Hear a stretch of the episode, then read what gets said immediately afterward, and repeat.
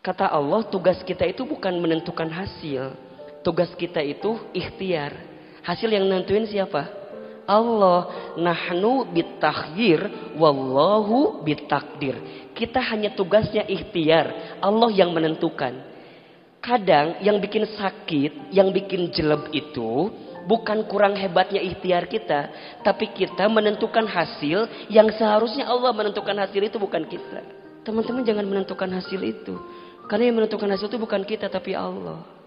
Nah makanya gimana caranya Ahilman agar semua persoalan kita nggak jadi bikin nyesek ke kita. Maka jawabannya adalah minta tolonglah sama Allah. Bukankah dalam sholat kita baca kalimat itu kan? Iya karena budu wa iya nasta'in. Ya Allah, hanya kepadamulah aku menyembah dan hanya kepadamulah aku meminta pertolongan. Berkali-kali loh kita minta. 17 kali dalam sehari yang wajib.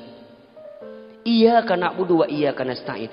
Tapi lucunya kita sering kali mengucapkan kalimat itu. Tapi kenapa sandaran kita bukan lagi Allah tapi yang lain. Seakan-akan teman-teman tuh nggak serius minta tolong sama Allah itu.